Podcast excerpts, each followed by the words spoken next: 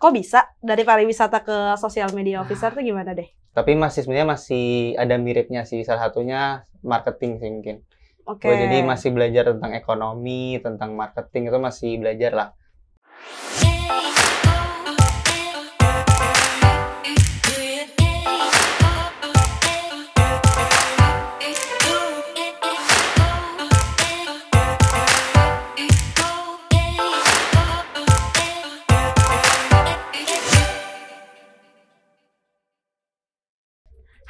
Semuanya, balik lagi di Pau Pau Podcast. Kali ini barengan gue lagi nih, Nanda, yang akan nemenin kalian ngobrol-ngobrol seputar apa ya, bebas aja kali ya temanya.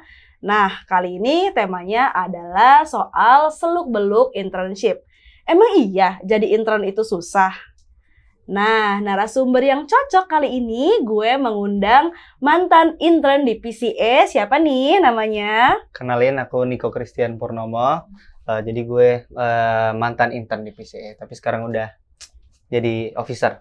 Wah, success story nih guys. Oke, langsung aja ya tanpa berlama-lama kita mulai aja nih ngobrol-ngobrolnya barengan dengan Niko. Uh, apa nih, Mas Niko, Deniko, kan Niko, Niko aja lah ya. Niko aja lah.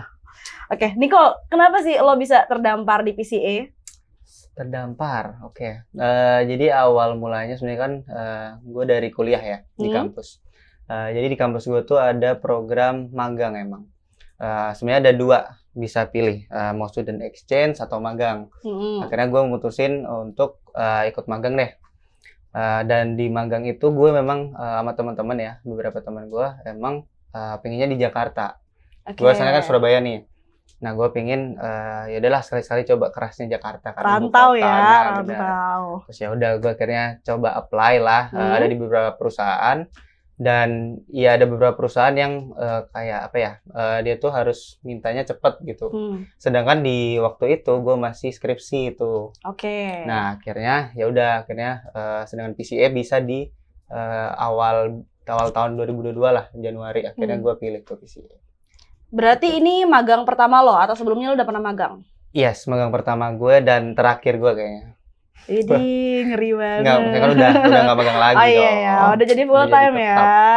Nih, tadi kan lo bilang ya di kampus lo tuh ada dua program, student Iya. exchange dan magang. Kenapa Hmm. lo milihnya magang? Kenapa nggak student exchange? Oke, sebenarnya eh, student exchange tuh gue memilih sama teman-teman gue. Hmm. Tapi karena berhubung waktu itu pandemi, akhirnya ya udah bordernya kan di close semua tuh. Hmm. Kalau nggak salah ke gue lupa ke Malaysia kalau nggak salah. Cuman ya udah karena bordernya ditutup karena pandemi ya udah akhirnya eh, dan kebetulan eh, Hmm. kurikulumnya kampus gue itu ditukar. Jadi Apa kalau tuh? biasanya eh, skripsi itu di akhir ya Hmm. semester 7 magang baru 8 skripsi kan. Mhm. Nah di gua tuh eh, ada enaknya sih sebenarnya. Eh, jadi skripsi dulu baru magang. Jadi habis magang bisa lanjut gitu. Oke, jadi lo selesaiin dulu skripsi, baru habis itu magang. Iya. Kalau skripsi lo nggak lolos, gimana Nah, tuh? Ya nggak lanjut magang. Balik lagi itu jadi anak enak kan iya, kalau iya. skripsi nggak lulus. Makanya kalau sekarang eh, kurikulumnya intinya skripsinya kalau udah dikelarin dulu, Hmm. magang bisa apa ya lebih bebas lah gitu. Nggak ada pikiran eh, takut nggak lulus gitu segala macam. Oke. Ini lo magang dari bulan Januari, Januari tanggal 10 kalau nggak salah. 10 Januari di PC Oke, terus eh, berarti sekarang sampai Oktober ya? sampai Oktober. Nah, Ada nggak sih manfaat apa sih yang lo dapetin dari magang? Wah banyak banget sih. Yang pertama, Idi, banyak banget guys. ya? Yang pertama pasti networking ya. Kita dapat Hmm. connection, teman-teman baru. Apalagi gue sebagai anak rantau sendirian ya kan di kota yang jauh dari keramaian gitu. Eh, dan yang menurut gue paling utama sih sebenarnya Hmm. adalah eh dari magang itu kita nggak dapetin eh, pelajaran yang ada di kampus. Jadi nggak Oke. di SMA, di SD, SMP, sampai di kuliah pun nggak dapetin itu sebenarnya. Karena kebanyakan kalau kuliah kan ya cuman eh, ya teori ya kan, Hmm. praktek adalah paling tapi maksudnya prakteknya tuh di tempat lingkungan lu sendiri gitu. hmm. Dan kalau magang kan eh, lu harus eh, kerja di eh, lingkungan orang lain, lingkungan yang asli, di kerjaan asli gitu. Jadi ya itu sih yang menurut gua eh, nggak gua dapetin experience-nya di eh, selama gue pendidikan edukasi di Hmm. SMA atau kuliah. Emang dulu lu jurusannya apa nih waktu kuliah? Gua manajemen pariwisata. Magangnya sebagai? Magangnya es em, magangnya sih digital marketing intern ya. Hmm. Cuman akhirnya tetap sebagai social media officer. Kok bisa dari pariwisata ke sosial media officer tuh gimana deh? Gue juga nggak tahu sih sebenarnya. Ya kebanyakan jurusan kan nggak nggak selalu ini ya. Tapi masih sebenarnya masih ada miripnya sih. Salah satunya marketing sih mungkin. Oke. Gue jadi masih belajar tentang ekonomi, tentang marketing itu masih belajar lah. Manajemen ya kan. Tapi kalau untuk kreatif, kalau Hmm. misalnya buat konten dan sebagainya tuh sebenarnya nggak terlalu relate sih sebenarnya. Jadi dari diri sendiri aja sih sebenarnya. Oke, Gitu gitu. sih. Eh, berarti eh, lo sep- lebih sepakat nih kalau emang ternyata eh, ilmu yang lo ambil di kampus tuh nggak ada yang kepake sama sekali di sini atau emang ada? Ada sebenarnya cuman kalau mata kuliah ya paling ya itu, maksudnya marketing, Hmm. terus eh, kalau menurut gue sih lebih ke cara komunikasi aja sih. Misalnya Oke. kita presentasi di Hmm. kampus ya kan. Terus kita lebih ke apa ya komunikasi interpersonal aja, maksudnya sama orang-orang, sama dosen atau mungkin sama teman-teman. Hmm. Tapi kalau secara maksudnya secara mata kuliah yang spesifik, Hmm. ya ujung-ujungnya jujur nggak kepake sih, nggak seberapa Oke. kepake ya. Ini Gitu lo sih. di PCE sendiri apa barengan sama temen lo nih Ada satu teman kampus? gue ada. Satu divisi. Sebutin namanya nih. Kalau lo mau boleh sebutin. Nggak lah. Ada ada satu teman, ada beberapa teman cuman di di Jakarta juga, Hmm. cuman eh, bukan di PCA. Eh, satu divisi sama temen lo di sini. Enggak, beda, beda divisi. Nah itu gimana tuh pembagiannya siapa yang di mana? Gua di digital marketing, ada satu lagi teman-teman gua di eh, e-commerce enabler-nya. Kenapa lo di digital Operation. marketing? Karena gue dulu sempat ada eh, basic eh, nulis sih, jadi copywriting gitu. Gue pernah ikut seminar. Terus gue emang suka eh, apa ya eh, nulis aja sih sebenarnya. Oke, Enggak. kayak gitu. Nggak gimana-gimana Uh, jadi guys sebenarnya FYI dari hasil gue browsing di internet bahwa ada ada fakta sebenarnya magang itu nggak mesti lo harus punya skill atau lo memenuhi requirement seperti orang full time. Jadi sebenarnya lo bisa magang di mana aja. Ya, Cuma. Iya kadang kan karena dari company-nya juga ada merasa mencari interest yang sesuai kan. That's why gue nanya nih kenapa eh, lo sama temen lo nggak satu divisi, kenapa tiba-tiba lo nyemplung di digital marketing nggak di divisi Hmm, lain. ya betul. Jadi kar- karena lo udah pernah ngerjain copywriter dan sebagainya gitu ya. Oke. Betul. So, ke saudari Niko, hmm, selama 10 bulan magang di PCE, apa sih pengalaman paling asik yang lo dapetin di sini? Oke, hmm, tujuh bulan sih, tujuh bulan magang. Saya kata lo dari Januari, Kan- sekarang bulan apa sih? Januari, 10 tujuh kan? bulan, tiga bulan jadi tetap Oh kan. iya, udah success story guys. Gimana? sukses ya. apa apa? Apa Paling- pengalaman lo paling asik? Paling asik. Hmm. Eh, oke, Eh, awal mula ke sini sebenarnya nggak ngerti ya. Yang pertama, eh, PCA itu kan enabler sebenarnya. Eh, gua nggak ngerti, maksudnya gua di Hmm. Surabaya nggak ngerti kalau oh ternyata ada ya perusahaan enabler tuh yang ngurusin e-commerce. Kalau digital marketing gua masih ngerti tuh. Hmm. Dan asiknya adalah waktu gua masuk ke DM ya digital marketing, eh, gua bisa belajar dan explore. Eh, intinya gue dibebasin tuh. Hmm. Misalnya lu magang, lu nggak cuman belajar satu sektor doang. Oh ya udah lu kerjain sosmed, lu bikin konten, udah gitu doang nggak. Tapi gue bisa misalnya diajak sama eh, lingkungannya juga suportif, teman-teman di sini Ini ya seneng kan. banget, seneng kan kalian? Nah, eh, ya gue maksudnya gue diajak sampai misalkan foto bareng, foto studio. Terus gue juga diajarin eh, apa ya basic-basic eh, cara bikin konten, cara videonya, angle-nya gimana, lightingnya gimana gitu sih. Yang gue suka itu sih sebenarnya apa ya kasih kebebasan aja sih maksudnya. Lu magang lu mau desain pun juga bisa, sebenarnya bisa ya kan. Jadi lu nggak cuma di satu tempat aja gitu. Mungkin kalau kebanyakan gue nggak tahu ya, misalnya magang-magang kan udah ditetepin tuh eh, magang lu sebagai apa eh gue butuhnya lu sebagai apa ya udah lu kerjain ini job desk-nya ini Hmm. nah di sini tuh nggak lebih fleksibel gitu itu yang gue suka. Satu kata kenapa mag- magang di PCA itu asik? satu kata Iya. kenapa Magang di PCA itu asik. wah susah ya kalau satu kata ya Dua deh, kita kasih tambahan kenapa diskon. di PCA asik karena suportif Oke, seperti. Aduh, jadi seneng ya dipuji-puji Seneng, anak intern. Oh, mantan intern. Oke, tadi kan udah nih pengalaman paling asik selama lo Ya. magang di PCE. Kalau yang paling asem, yang paling ngeselin, jujur aja deh, apa tuh? suruh bikin kopi kali ya Wah. enggak Wah, nggak pernah nggak pernah Siapa nggak pernah. Di nih? sini nggak pernah nggak pernah apa ya kalau paling asem sih nggak ada sih maksudnya secara job desk juga maksudnya eh, itu pun bertahap ya maksudnya gue dari Januari tuh sampai bulan Agustus kan. Misalnya eh, di Agustus emang banyak banget sih, emang job desk-nya udah mulai banyak tuh. Hmm. Tapi di Januari awal itu maksudnya nggak langsung dikasih handover eh, sebanyak itu. Sebenarnya eh, diajarin dulu awal-awal Januari, Februari tuh kayak tahap adaptasi lah Hmm. sebenarnya. Hmm. Kayak apa ya, pel- mempelajarin s- flow-nya gimana, terus eh, job desk-nya kayak gimana, sama company-nya juga seperti apa gitu sih sebenarnya. Kalau yang asem banget sih nggak ada ya. Pernah nggak sih lo tuh ada di fase yang mm, bukan down ya? Maksudnya kan kita uh, fluktuatif ya namanya emosi atau Ya. mood gitu. Nah, itu Mhm. di fase yang turun banget kayak duh gue nyesel nih jauh-jauh dari Surabaya ke sini terus kok kayak gini kerjaannya. Pernah ada di Ah, fase kayak gitu nggak sih? Jujur nggak pernah sih, karena eh, ini yang gue pernah baca juga ya sebenarnya Hmm. kan banyak tuh eh, top 3 ya, maksudnya top 3 Hmm. orang resign itu sebenarnya kan yang pertama karena eh, lingkungan kerja ya kan toxic ya kan kalau nggak kalau nggak suportif Iya. itu yang pertama kolega terus yang kedua karena atasan Hmm. kemudian yang ketiga baru job desk Hmm.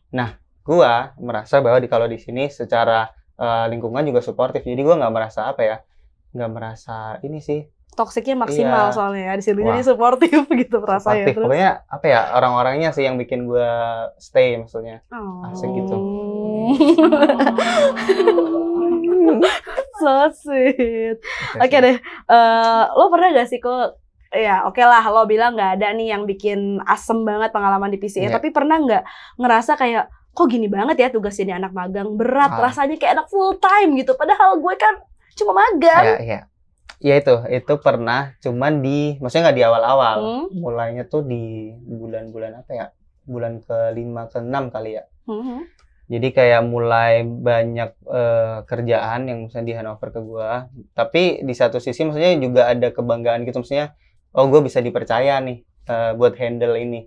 Maksudnya eh, ya gue di maksudnya orang full time sama kerjaan gue juga sama. Maksudnya ya ada apa ya? Maksudnya ya bangga aja sih sebenarnya kalau bisa ngerjain itu. Cuman ya eh, balik lagi maksudnya kan magang tuh sebenarnya buat nyari experience ya. Kalau misalkan untuk eh, uang saku atau gaji kan pasti nggak mungkin sama kan. Jadi ya maksudnya dikerjainnya dengan apa ya sepenuh hati aja sih maksudnya. Diiklasin Iya, terus juga positifnya pokoknya fokusnya adalah eh, gue fresh graduate nih, Hmm. gue nggak punya pengalaman, gue nggak punya eh, mungkin pengalaman organisasi ada, cuman kalau pengalaman kerja kan nggak banyak tuh, Hmm. jam terbangnya juga masih dikit ya kan. Jadi ya eh, kuncinya adalah ya tujuannya buat nyari pengalaman gitu. Oke. Jadi kalau dikasih tugas yang maksudnya ah, setara mungkin sama anak full time, ya malah bagus menurut gua. Maksudnya itu buat eh, di CV lu nanti atau di porto lu nanti gitu sih.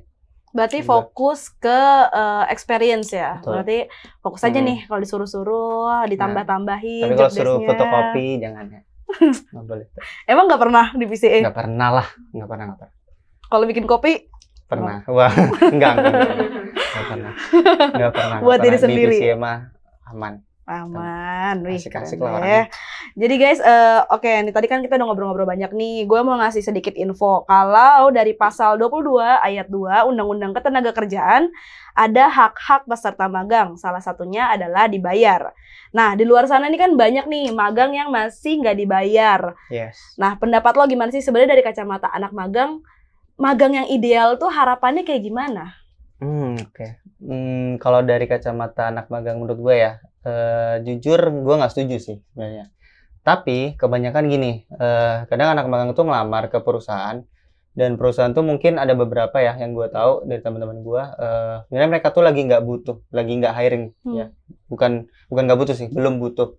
Eh, jadi mereka nggak hiring, eh, cuman mereka me- menawarkan bahwa oke nggak apa-apa tetap jadi anak magang, cuman eh, kalau nggak digaji atau dikasih uang saku nggak apa-apa nih.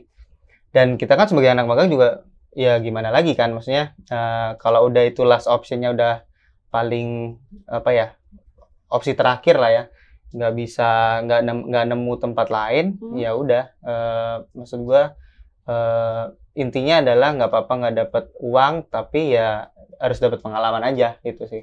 Nggak apa-apa nggak dapat uang saku, yang penting ya dapat ilmu gitu. Berarti lo Tapi- setuju nggak nih kalau kenapa? Sorry. Tapi kalau ya kalau bisa dibayar ya dibayar lah. Itu sih. Harapan sebagai anak magang mah idealnya dibayar ya. Tapi iya kalau pastilah semua. Nah, cocok nih sama pertanyaan gue selanjutnya. Lo setuju nggak sih kalau magang itu bentuk eksploitasi yang tidak bisa dihindari? Ibaratnya udah underpaid. Atau lo lebih setuju sebenarnya magang itu ya tadi lo bilang experience ya mungkin Hmm. it can reduce your skill gap. Hmm, sebenarnya itu balik lagi ke individunya ya, tapi eh, tapi apa ya? Menurut gua kalau ya itu suruh bikin kalau nggak dikasih kerjaan, terus nggak apa kayak disuruh bikin kopi doang, disuruh nyatet doang atau ka- apa beliin makanan, nganterin makanan itu yang gua- menurut gua itu eksploitasi. Hmm. Tapi kalau lo dikasih eh, maksudnya kerjaan yang memang lo diajarin, lo di training eh, dari ilmu-ilmu atasan lo atau kolega lo, ya menurut gue itu bukan eksploitasi, justru apa ya? Ya justru lo senang, maksudnya lo dapet eh, experience yang sebelumnya lo eh, belum pernah dapetin gitu. Oke. Ya Lo kan? di sini dapat mentor atau di Dapat. training nggak? di training pasti. Oke. Pasti Dan di dapat mentor. Eh, bukan mentor sih sebutnya. Ya ya adalah eh, semacam eh buddy ya kalau kayak buddy gitulah. Hmm. maksudnya diajarin tapi ya kita harus aktif juga ya maksudnya kita tanya-tanya yang misalkan nggak taunya gimana terus flow-nya kayak gimana itu ada sih Oke. Lebih ke, ke diri kita juga harus aktif juga Berarti Gitu. dari kitanya harus aktif Yes. dan sebenarnya ya balik lagi nih esensi anak magang harus butuh pembimbing lah ya iya benar benar dari anak-anak full time ya. Oke deh, eh, tadi kan kita udah sempat bahas nih gimana kalau misalkan magang itu kan tujuannya untuk cari pengalaman ya teman-teman. Tapi ada juga nih perusahaan yang berharap bahwa anak magangnya udah jago, udah ngerti nih job desk-nya. Menurut lo gimana sih? ah gue sih juga jujur nggak setuju sih karena gini eh, Pernah dapat experience kayak gitu mungkin pas interview magang? Nggak pernah sih cuman menurut gue eh, kalau kayak gitu tuh anggapnya gini deh ibarat misal ya eh, misal lu ke toko masker ya kan? Lu mau beli masker lu nggak punya masker nih. Lu ke toko masker berharap lu dapat masker. Tapi lu nggak dibolehin masuk harus pakai masker dulu pak misalnya gitu. Iya ya. nah menurut gua kayak ya sama. Eh, lu nggak punya pengalaman Hmm. lu mau ke perusahaan apply buat dapat pengalaman dan lu berharap lu dapetin pengalaman baru jadi menurut gua eh, ya maksudnya dari mungkin dari HR juga maksudnya kan pasti ya ngefilter ya kan? Eh, mungkin bisa difilter dari pengalaman organisasi kalau menurut gua. Kalau kalau skill maksudnya eh, ya nggak bisa disamain sih sebenarnya. Kalau sama orang yang udah jam terbangnya tinggi itu nggak mungkin menurut gua. Karena eh, dulu pun orang yang interview pasti Hmm. sebelum kerja pun juga pasti awalnya juga seperti itu Hmm. kan. Menurut gue itu sih. Gue nggak nggak seberapa setuju sebenarnya kalau misalkan harus yang skillnya sampai harus kayak gini gini gini gitu nggak nggak sih Oke, Eh, gue Gitu. ngelihatnya ya selama sekitar mungkin 2-3 tahun belakangan ini bahwa banyak Ya. banget nih eh, perusahaan yang open internship maupun eh, minat dari para student-student semester akhir yang pengen banget ya internship di luar dari tugas kampus. oke Lo ngeliatnya gimana sih? Apa emang sekarang itu eh, lowongan yang dengan iming-iming fresh graduate agak susah. Benar-benar fresh graduate tuh harus punya experience sampai banyak banget anak-anak yang masih mahasiswa berlomba-lomba mencari internship atau gimana fenomenanya di angkatan Mhm. lo nih? Kalau gue sih iya eh, banyak ya maksudnya nggak harus magang. Lu mau freelance atau lu mau cari part time itu sebenarnya banyak. Jadi kalau menurut gue sih nggak nggak harus sebenarnya nggak memacu ke satu harus internship aja gitu. Lu mau student exchange keluar ya kan lu lu ikut kepanitiaan organisasi itu udah menurut gue udah eh, oke banget gitu. Hmm. Makanya menurut gue eh, kalau lu misalnya lagi S- masih SMA atau kuliah ya itu jangan sampai nyesel lah maksudnya nggak ikut organisasi atau kepanitiaan sih karena ya itu yang akan dilihat nanti gitu karena lu kan nggak punya pengalaman Hmm. kerja juga kan gitu sih menurut gua. Masih ngefek kah ikut-ikut organisasi dibandingkan dengan Hmm. terjun langsung ke lapangan jadi internship? kalau menurut gua eh, ngefek tapi jangan dilihat dari eh, maksudnya oh kalau gua organisasi ntar CV gua banyak nih. Jangan gitu doang sih. Sebenarnya eh, kalau lu ikut organisasi ya lu kan pasti punya connection baru kan network baru kan. Terus juga eh, dari cara lu misal rapat kuliah rapat terus eh, dari sisi leadershipnya juga dapet. Maksudnya lebih ke cara yang lu dapetin aja gitu jangan maksudnya lu ikut organisasi cuman buat menu-menuin CV atau porto gitu bukan enggak sih Oke. Apa sih yang paling lo suka dari magang di sini? Satu kata, kita tantang Aduh. lagi. Satu kata yang paling lo suka dari magang di sini. tadi suportif udah ya hmm, Tadi kan yang menggambarkan lingkungannya. Ini yang paling lo suka nih. fleksibel Kenapa tuh? Eh, yang pertama karena eh, PC ini kan startup ya, maksudnya eh, lu bisa apa ya? eh, lu bisa mengajukan apa yang ide-ide lu sendiri gitu.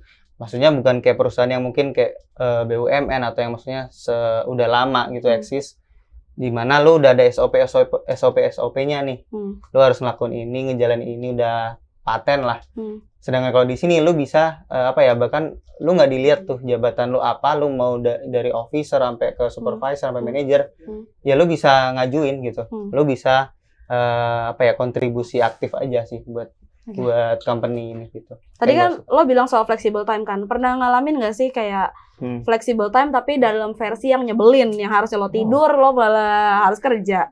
Itu Sebagai anak intern sih. ya? Ya, Oh kalau pas intern nggak jujur sih nggak banyak ya maksudnya.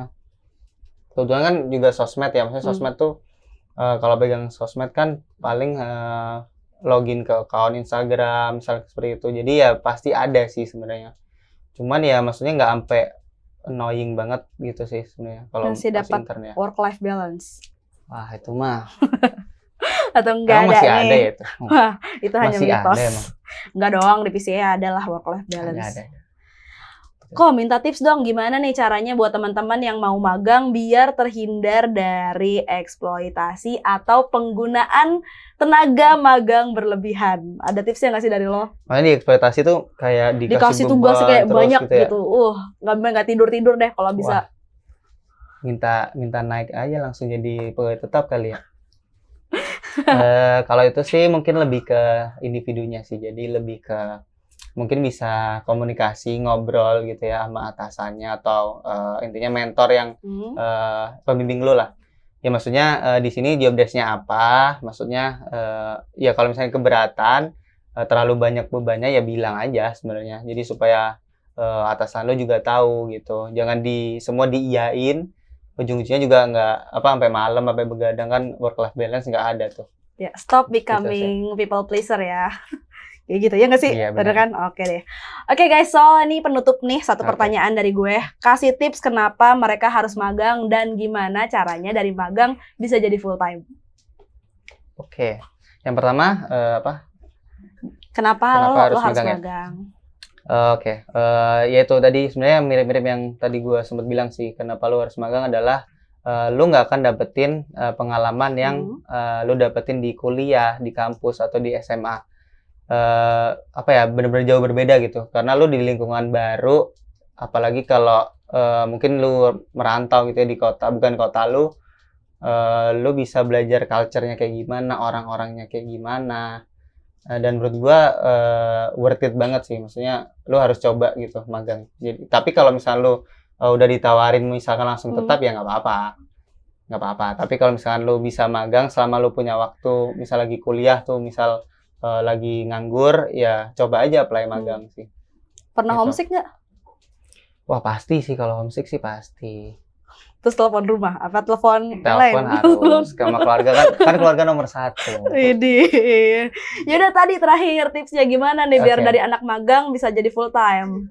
Eh, ya oke Eh, kalau sebagai lu misalnya udah magang nih berarti Hmm. ya Eh, kalau udah magang ya eh, lu harus eh, pasti nunjukin perform aja sih Hmm. Eh, dan apa ya kerjain eh, ibaratnya apa yang lu eh, kerjaan yang lu dikasih ke lu Hmm. itu eh, anggap aja itu kayak eh, bisnis lu sendiri kalau Oke. menurut gue gitu jadi supaya lu bisa eh, lebih maksimal aja sih maksudnya oh eh, ini brand gua sendiri nih ya gua akan ngerjain dengan maksimal dengan Oke. effort yang paling eh, gede lah jadi dan itu bisa dilihat Hmm. terus kalau lu misalnya udah oke ya lu akan di eh, hire buat eh, diajuin ke pegawai tetap. Oke. Menurut Berarti ini ya apa eh, menumbuhkan rasa responsibility. yes bener Itu Ya, oke deh.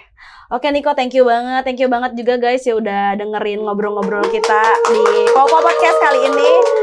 Jangan lupa untuk like, komen, dan subscribe. Kasih juga ide lo mau kita bahas apa lagi di podcast selanjutnya. Dan sekian dulu podcast kali podcast kali ini. Sampai jumpa di episode selanjutnya. Dadah. Música